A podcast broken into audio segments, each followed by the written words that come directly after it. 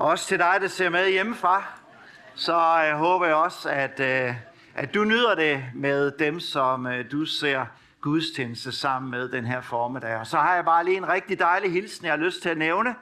Vores øh, ungdomsleder, præst Tobias Kron, blev opereret her tidligere på ugen.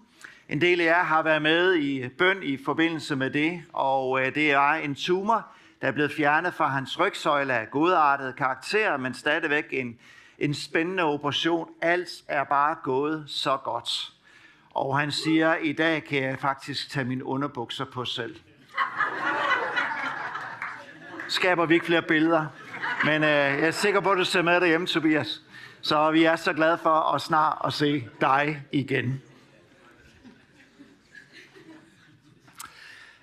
Hvad bringer fremtiden? Vi har alle sammen vores øh, drømme og tanker. Man kan måske også i de her tider blive sådan en smule urolig, usikre, når vi tænker på den. Futurologer de har til tider ramt virkelig plet, når de har lavet forudsigelser omkring fremtiden. En af de helt store, som vi kender, Da Vinci, som jo malede Mona Lisa og den sidste nadver og var arkitekt og alt muligt andet. Blandt andet så havde han en masse ting, som han opfandt i forhold til fremtiden. Der var en prototype af en cykel. Der var tegninger til en helikopter. Der var en over en kampvogn, som øh, man kan se forskellige steder, som flere hundrede år før sin tid, så havde han en fornemmelse, en forudsigelse. Han tænkte, en dag, så flyver vi. Nogle gange så er det også gået rigtig galt. Albert Einstein havde udtalt i 1932, at der ikke er den mindste indikation på, at atomenergi nogensinde bliver opnåeligt. I 1943 så udtalte bestyrelsesformand for IBM, Thomas Watson, at der ikke er grund til at tro, at mennesker nogensinde kommer til at have en computer i deres eget hjem. Jeg tænker lige om den. Eller i 1962 så øh, forkastede Decard Records Company Beatles med ordene, vi kan ikke lide deres lyd, og guitarmusik, det er på vej ud. Træls, tænker man, at de kunne have gået glip af. På rigtig mange måder, så kunne det også være dejligt at kende vores egen fremtid. Men øh, det meste for os, det er lukket, hvilket sikkert også er det bedste. Den historie, vi kommer til at være sammen om i formiddag, er ord fra Jesus, som handler om, at vores beslutninger i dag former fremtiden. Så det sker altså, at i de ukendte, så har vi mulighed for i det kendte, altså i fremtiden, gennem vores handlinger, at være med til at påvirke det, der sker. Derfor har jeg kaldt overskriften for prædiken, det kræver handling. Og det takeaway, jeg ønsker, du skal tage med fra i formiddag, er faktisk, at dine handlinger kommer til at påvirke og forme din fremtid i morgen. Til det bedre, hvis du træffer gode handlinger. Men måske er de der påkrævede handlinger, vi skal se på, en lille smule anderledes, end det vi havde forestillet os. Jørgen Galunska som præst i Citykirken, han var her for 14 dage siden og talte om, hvad I vil, at mennesker skal gøre mod jer, skal I gøre mod dem. Og så var det faktisk afslutningen på bjergprædiken i Matthæus kapitel 7 og vers 12. Det er en temaserie, vi har kørt i foråret, hvor vi tog de første to kapitler og de sidste fire søndage og slutter i dag. Så har vi så kigget ind i kapitel 7. Fordi fra, fra vers 12 og efter det, så handler de sidste sektioner i kapitel 7 om handlinger. Hvordan vi stiller os over for, hvad vi gør med den undervisning, Jesus har delt med disciplene, og nu med os for vi har den i Bibelen. Tre af de handlinger delte Emilie Sørensen rigtig, rigtig fint sidste søndag, da hun prædiker så fantastisk for os. Og hun efterlod os blandt andet med spørgsmålet om, vil du gå den smalle vej, eller vil du gå den brede vej? Vil du følge sande profeter, eller vil du følge falske profeter? Vil du bære god frugt, eller vil du bære dårlig frugt? Og de her eksempler, de taler om, at det ikke er nok at lytte til de her ord, vi har lyttet til de her søndag, men det kræver handling. Og her slutter Jesus så med en rammende historie, som næler det, og for sidste gang, så stiller han os på valg, eller disciplene på valg. Vil du bygge dit liv på klippe, eller vil du bygge dit liv på sand? Jesus han har ikke rigtig lyttet efter, når vi i vores tid er helt vild med pluralisme og kontingens. Altså det, at vi har rigtig, rigtig mange muligheder. Han skærer det ned til to. Altså enten bygge på klippe, eller bygge på sand. Og ikke flere. Punktum. Og det handler dybest set om at høre og implementere Jesu ord. Eller høre og ikke implementere Jesu ord, som vi skal prøve at kigge på. Og vi skal læse teksten sammen fra Matthæus kapitel 7, vers 24-27. Jeg kunne godt tænke mig, hvis vi kunne rejse os op for Guds ord. Derfor, en hver, som hører disse ord og handler efter dem, skal ligne en klog mand, der har bygget sit hus på klippen. Skybudet kom, floderne steg, stormerne suste og ramte det hus, men det faldt ikke, for dets grund var lagt på klippen. Men enhver, som hører de her ord, og ikke handler efter dem, ligner en tåbe, der har bygget sit hus på sand. Skybruddet kom, floderne steg, stormene suste, og det slog imod dets hus, og dets falds, det falds og dets fald var stort.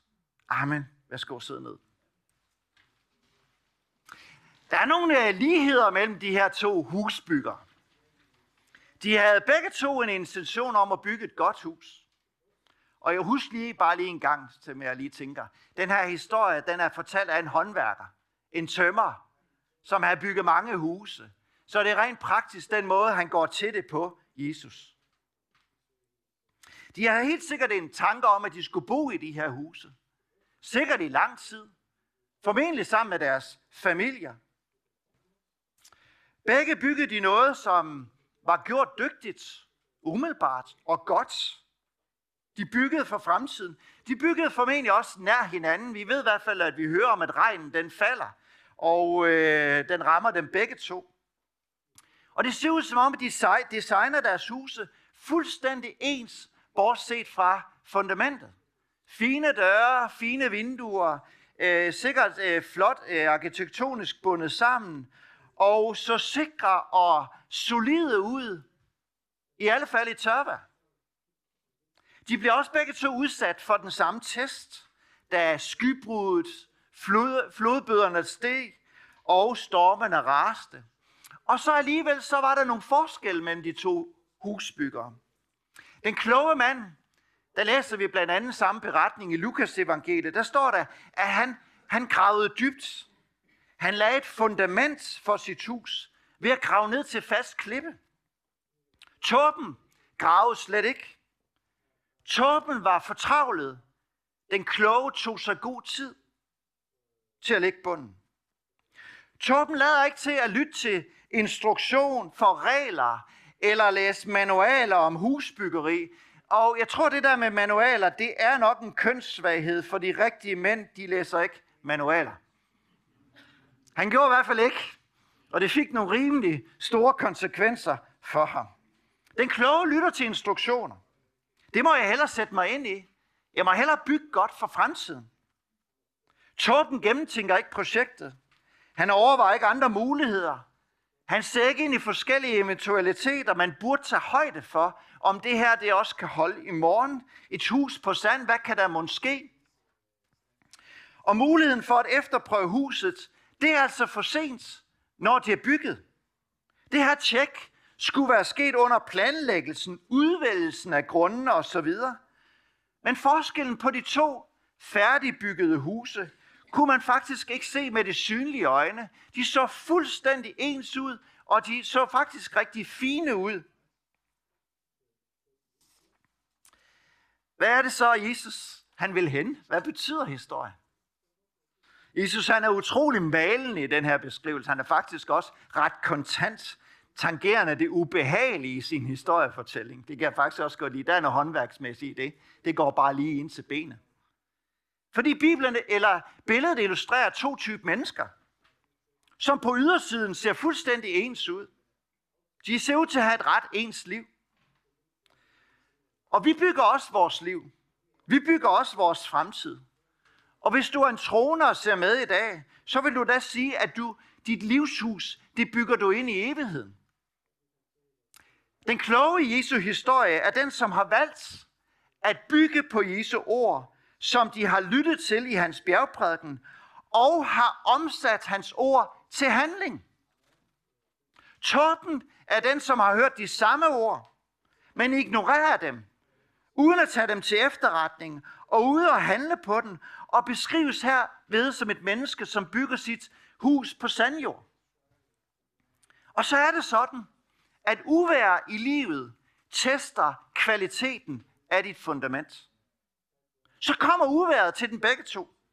Voldsom stormvær, skybrud, høj vandstand, som var et fuldstændigt almindeligt fænomen, der var kendt i Palæstina. De vidste godt, hvad Jesus talte om. Stormen tester kvaliteten af de to huse.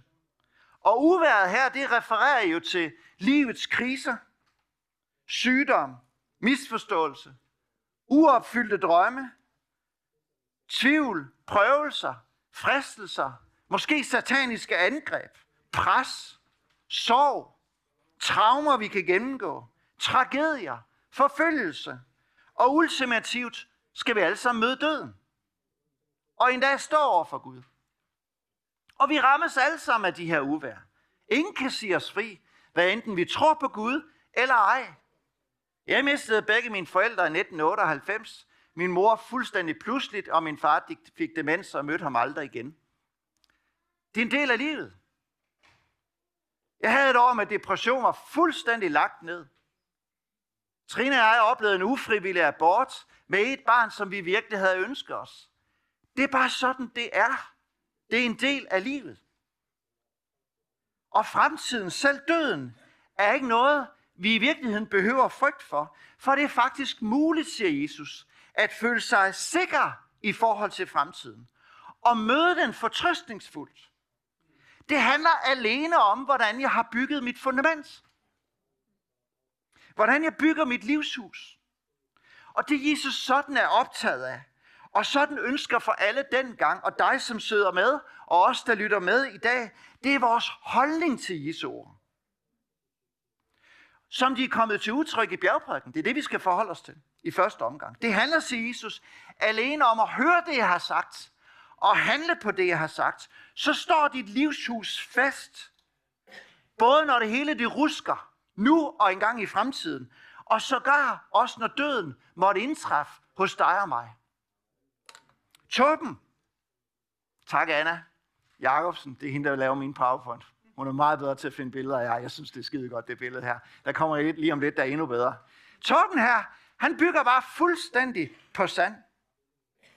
Og selvom der ikke er noget sådan umiddelbart på overfladen, der ser forskelligt ud, så er de fundamentalt forskelligt bygget. I sådan grad, at den ene han beskrives som en klog, og den anden her beskrives som en tåbe. Faktisk det græske ord, der er brugt for tåbe, øh, eller oversat med tåbe, det er så fragt, det er så, så, så og de fleste oversætter, de siger, vi kalder det bare tåbe, fordi jeg tror simpelthen ikke læserne, de kan tåle at høre. Det er virkelig en dum mand, kan vi sige det? Altså, det er virkelig en, der, ja, vi standser her. Vi kalder ham en tåbe. Forskellen er, at tåben ikke bruger hovedet. Han stiller ikke op og stiller de grundlæggende spørgsmål i livet, som handler omkring, hvor er det egentlig, jeg går hen? Hvad er livet egentlig for noget? Men han er bare hurtig og uden for mig refleksion. Han tænker ikke på fremtiden, men tænker alene i nuet. Han er der. Undskyld, kan du køre mig frem igen til huset der på sand? Det er det menneske, som primært tænker på at tilfredsstille sig selv. Instant gratification. Hvad enten det så iklædes penge, eller sex, eller magt, eller succes, eller berømmelse, eller udnyttelse af relationer. Du kan da sågar også være, at du møder ham i kirken, fordi han har lyst til at få lidt Guds velsignelse med sig over sit liv, men han ønsker ikke at følge ham, som giver det. Hans motiv er mere i retning af, hvad kan jeg få ud af det sådan lige her nu? Hvad kan livet tilføre mig? Jeg sad for nylig og lyttede til Kasper Christensens omvendelse til kristendommen i sådan et interview. Og det var så fantastisk at lytte til. Fordi han var fuldstændig beskrevet som en tåbe. Beskrev sig selv som en tåbe. Det var det, jeg levede for. Folk skulle se, at jeg var fedest. Folk skulle se, at jeg var dygtig. Hurtige penge, hurtige kvinder. Og sådan var mit liv. Det er som om Jesus siger til ham, eller til os, jeg har så meget mere til dig, Tåbe. Du kan bygge anderledes. Og her kunne vi måske finde på at tænke, Jesus, har du ikke sådan flere slags huse? Altså sådan et tredje alternativ, hvor til Jesus var, nej, sand, klippe, to muligheder, du bestemmer. Og så har vi den kloge mand her, og prøv lige at se det billede. Det står godt, det hus der. Masser af omstændigheder udfordrende, men hold fast, det er placeret stabilt. Han graver ned til klippen, hvor der er fast klippegrund. Han stiller sig selv spørgsmålet, hvorfor er vi her i livet? Hvad er livet egentlig tiltænkt? Hvad er formålet med livet? Og nogle gange så kan uvær faktisk også lede os til, at vi begynder at stille de mere fundamentale spørgsmål. Og Guds formål for os, kære venner, det er, at vi kan få lov til at være i en levende relation med ham, som har skabt os. Det er formålet. Og hvordan kan det så ske? Hvordan bygger jeg solidt for fremtiden? Hvordan gør jeg sådan, som en klog vil gøre? Skal jeg tage mig sammen? Skal jeg være lidt næstekærlig? Skal jeg forsøge at opføre mig lidt mere ordentligt, end jeg gjorde i går? Nej. Men hvad betyder det så at være den kloge mand, der har hørt Jesu ord i bjergprædikkenen og handlet på den? Og her tror jeg måske, vores handlinger skal være lidt anderledes, end vi først tænker. For Jesus siger ikke, at den kloge, det er den, som hører ordet og praktiserer det, og derefter bliver en kristen. Det vil være fuldstændig i modsætning til alt, hvad vi har læst i bjergprædiken. Det vil være fuldstændig umuligt. Fordi Jesus indledte jo med at sige, salig er de fattige i ånden. Dem, som er afhængige af andre, det er dem himmeriget tilhører. De fattige, det er dem, der er afhængige, og i det her tilfælde af Jesus. Og du kan prøve fra nu af til din død at leve op til bjergprædikenen, og du kommer til den konklusion, det er helt umuligt. Det har jeg simpelthen ikke i mig.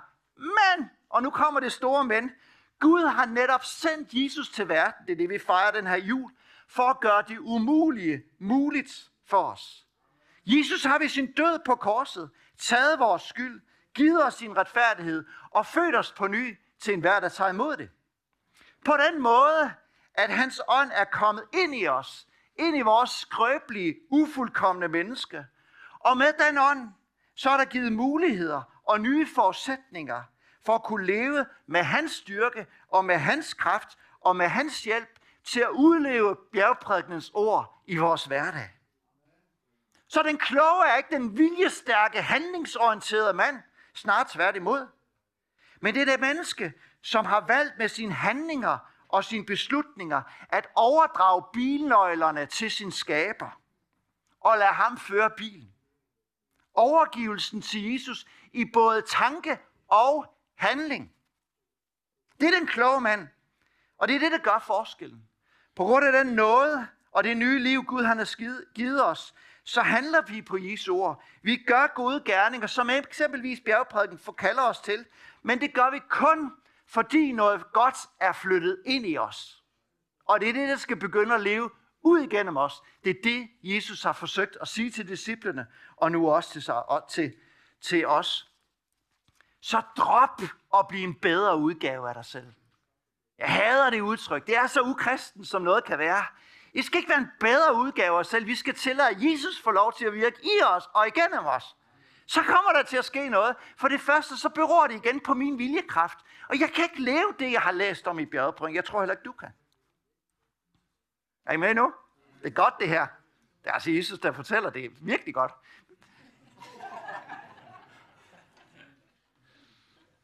Hvordan kan jeg så vide, om jeg er en klog mand?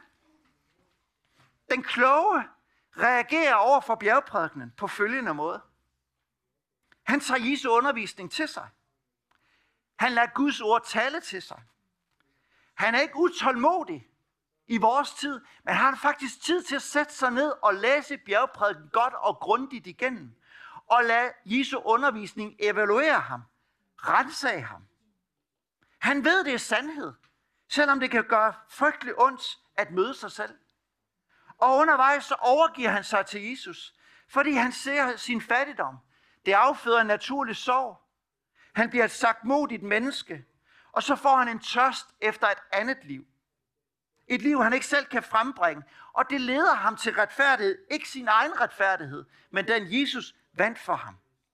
Og så vil han leve det liv. Men han siger, jeg kan ikke selv. Og så oplever han, Jesus tilfører det menneske nyt liv, giver sin ånd, og så er fundamentet lagt for et klippehus. Så er du en klog mand med Jesu ord. Og derefter så vil du begynde at acceptere budene, som Jesus gav i bjergprædikkenen. At du ikke bare handler om at bedrive hår, men at have et rent sind. At det ikke bare handler om at slå ihjel, men at kunne håndtere sin vrede. Alt det, som Jesus har undervist os i. Jeg var til Sky Meet her for nylig. Jeg var inviteret som sådan en special guest der. Og jeg skulle fortælle om min vrede, fordi jeg er vokset op, og jeg er ikke alene. Jeg snakkede med nogle af volontørerne her den anden dag, og en af dem kæmpede også særdeles meget med sin vrede i sit liv. Jeg har kæmpet med temperament. I en så udtalt stil, at jeg blev sendt hjem fra lejre, og alle mulige andre ubehageligheder, for jeg ikke kunne kontrollere, ikke kunne styre mig selv. Og samtidig ville jeg jo gerne være en kristen, og det kunne jeg godt se, det der, det, jeg spændte ben for mig selv igen og igen på de mest trælse sider. Jeg skal ikke male det mere ud, men det var rigtig irriterende. Og så bad jeg faktisk til Gud. Gud, jeg ønsker sådan, at du må hjælpe mig med at håndtere mit temperament.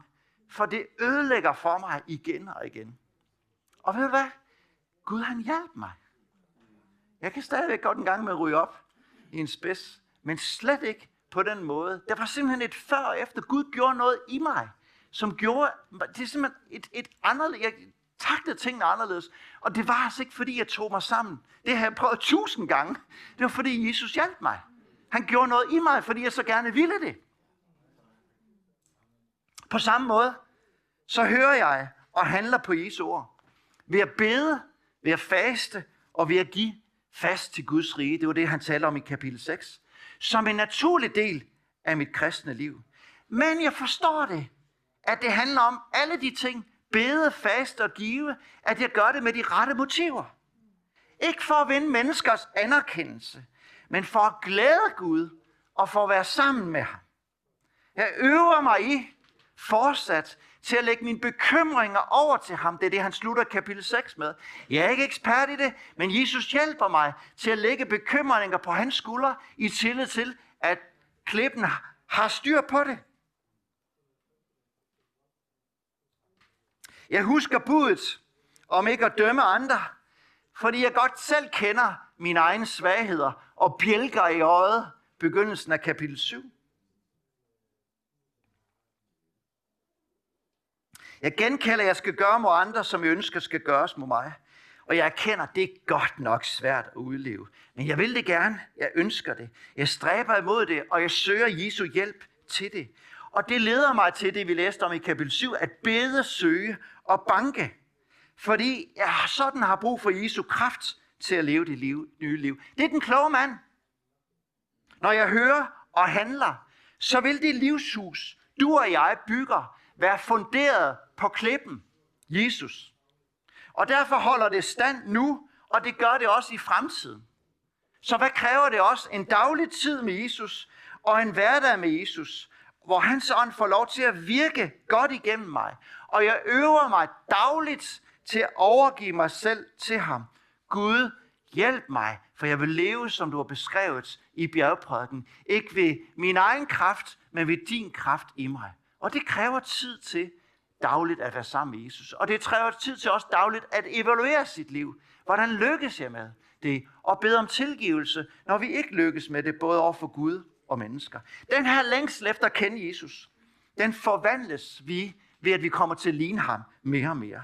Ham, som vi følger. At vi elsker Gud for Guds skyld. Og det er at praktisere prædiken, bjergprædiken. Det er ikke at være fuldkommen. Det er bare at være en, der er på vej. Og i proces sammen med Jesus kommer jeg til at opleve at være forbundet med ham. Og så er det det her smukke billede af det her træ. Når jeg er forbundet med Kristus, så kommer der frugt af min gren. Ikke fordi jeg tog mig sammen, men fordi jeg var sammen med ham. Er I med? Krisen afslører dit fundament. Sygdom, skuffelser, tab rammer os alle sammen. Jesu ord handler egentlig om, du skal da være forberedt på sådan nogle ting. Det er da helt en naturlig del af menneskelivet, at det sker. Og helt ærligt, det er ikke sikkert, at vi har nået bunden af mørket endnu i Danmark. I forhold til corona, krig og inflation. Det er egentlig heller ikke så afgørende.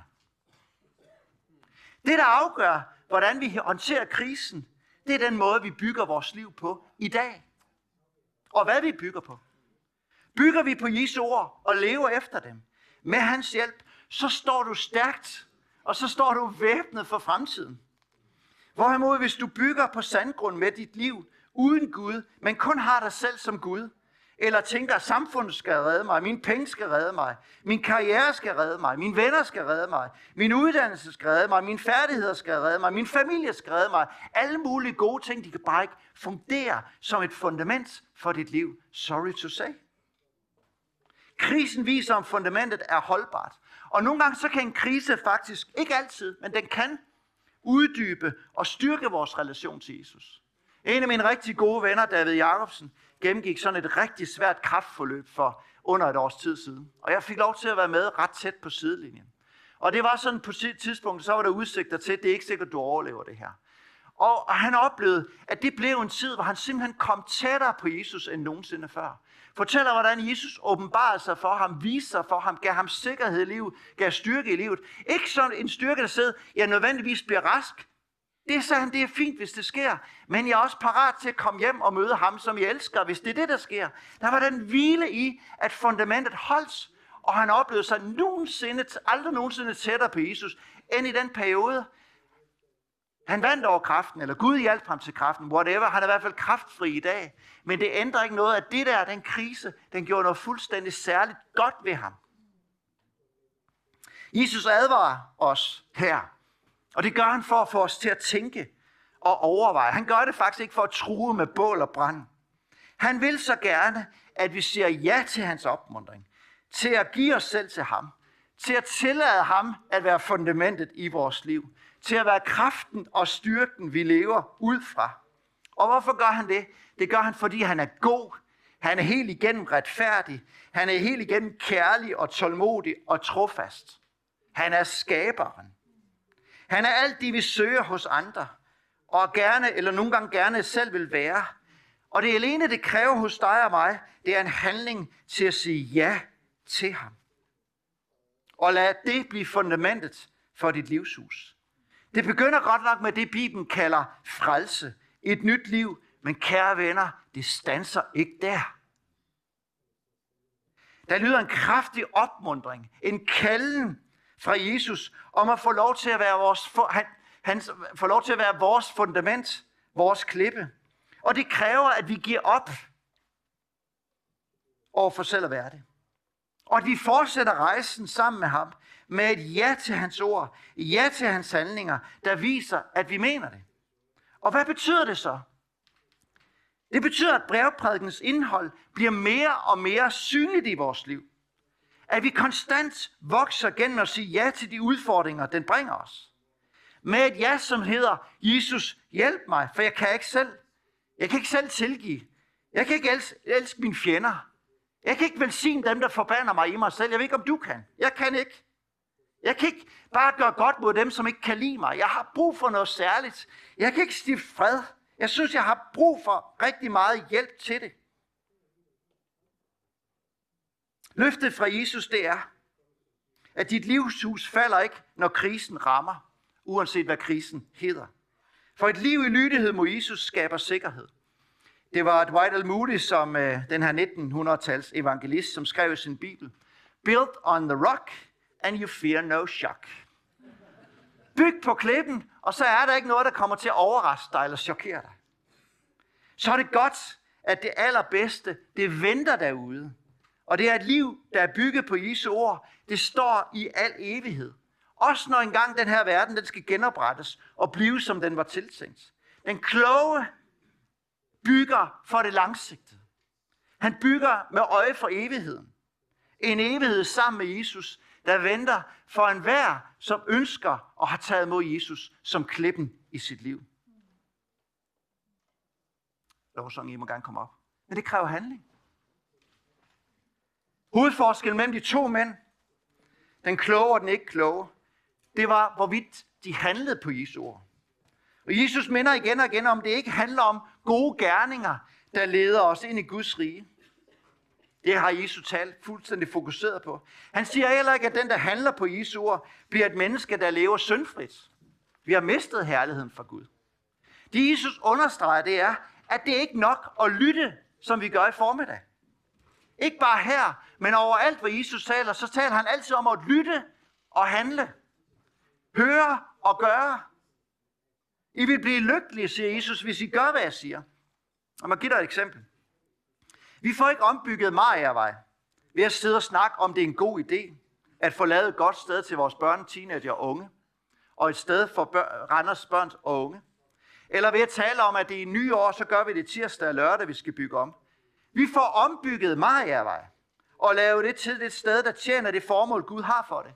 Ved at komme og hjælpe til med ombygningen tirsdag og lørdag, med det vi nu kan. Det er det eneste, der gør forskellen, og det er det, som er Jesu pointe her. Hvad gør du med det, jeg siger? I bjergprædiken, der beskriver Jesus det her liv, som følger af at lytte og handle på hans ord. Et velsignelse til at få lov til at være hans børn. Være rene af hjertet. Være fredstifter. Leve et liv i overflod.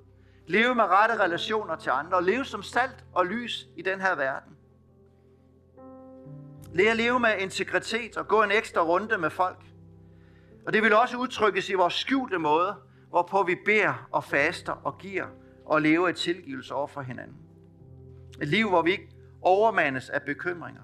Og et liv, hvor vi ikke er fordømmende over for hinanden, men gør mod andre, så vi ønsker skal blive gjort med os. Og til det liv har vi brug for Jesu hjælp og hans styrke ind, for at det skal lykkes. Og dernæst har vi brug for at overgive os til Jesus. Jeg vil leve sådan, men hjælp mig.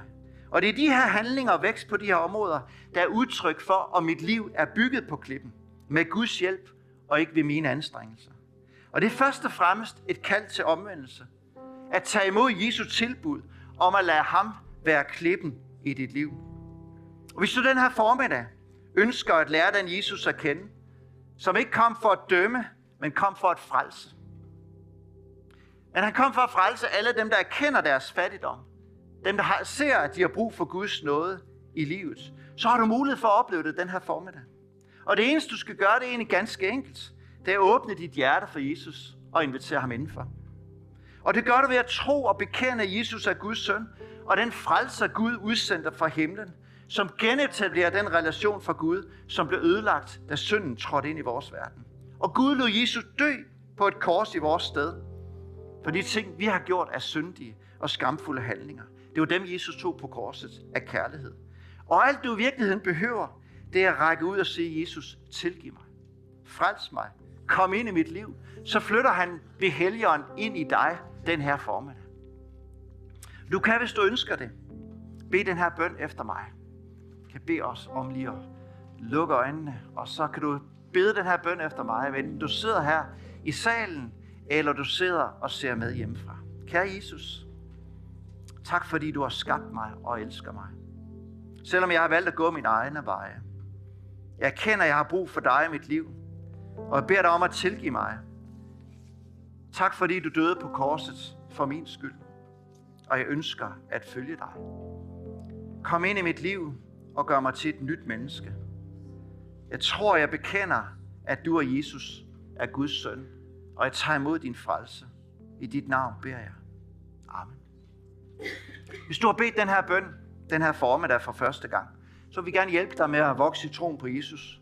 Du kan ringe ind på forbønsnummeret, som kommer på din skærm nu, hvis du ser med hjemmefra. Hvis du ser med i salen, så kan du møde en af forbederne, eller komme til vej efter gudstjenesten. Men det kan også være, at du sidder med sådan en lyst til handling.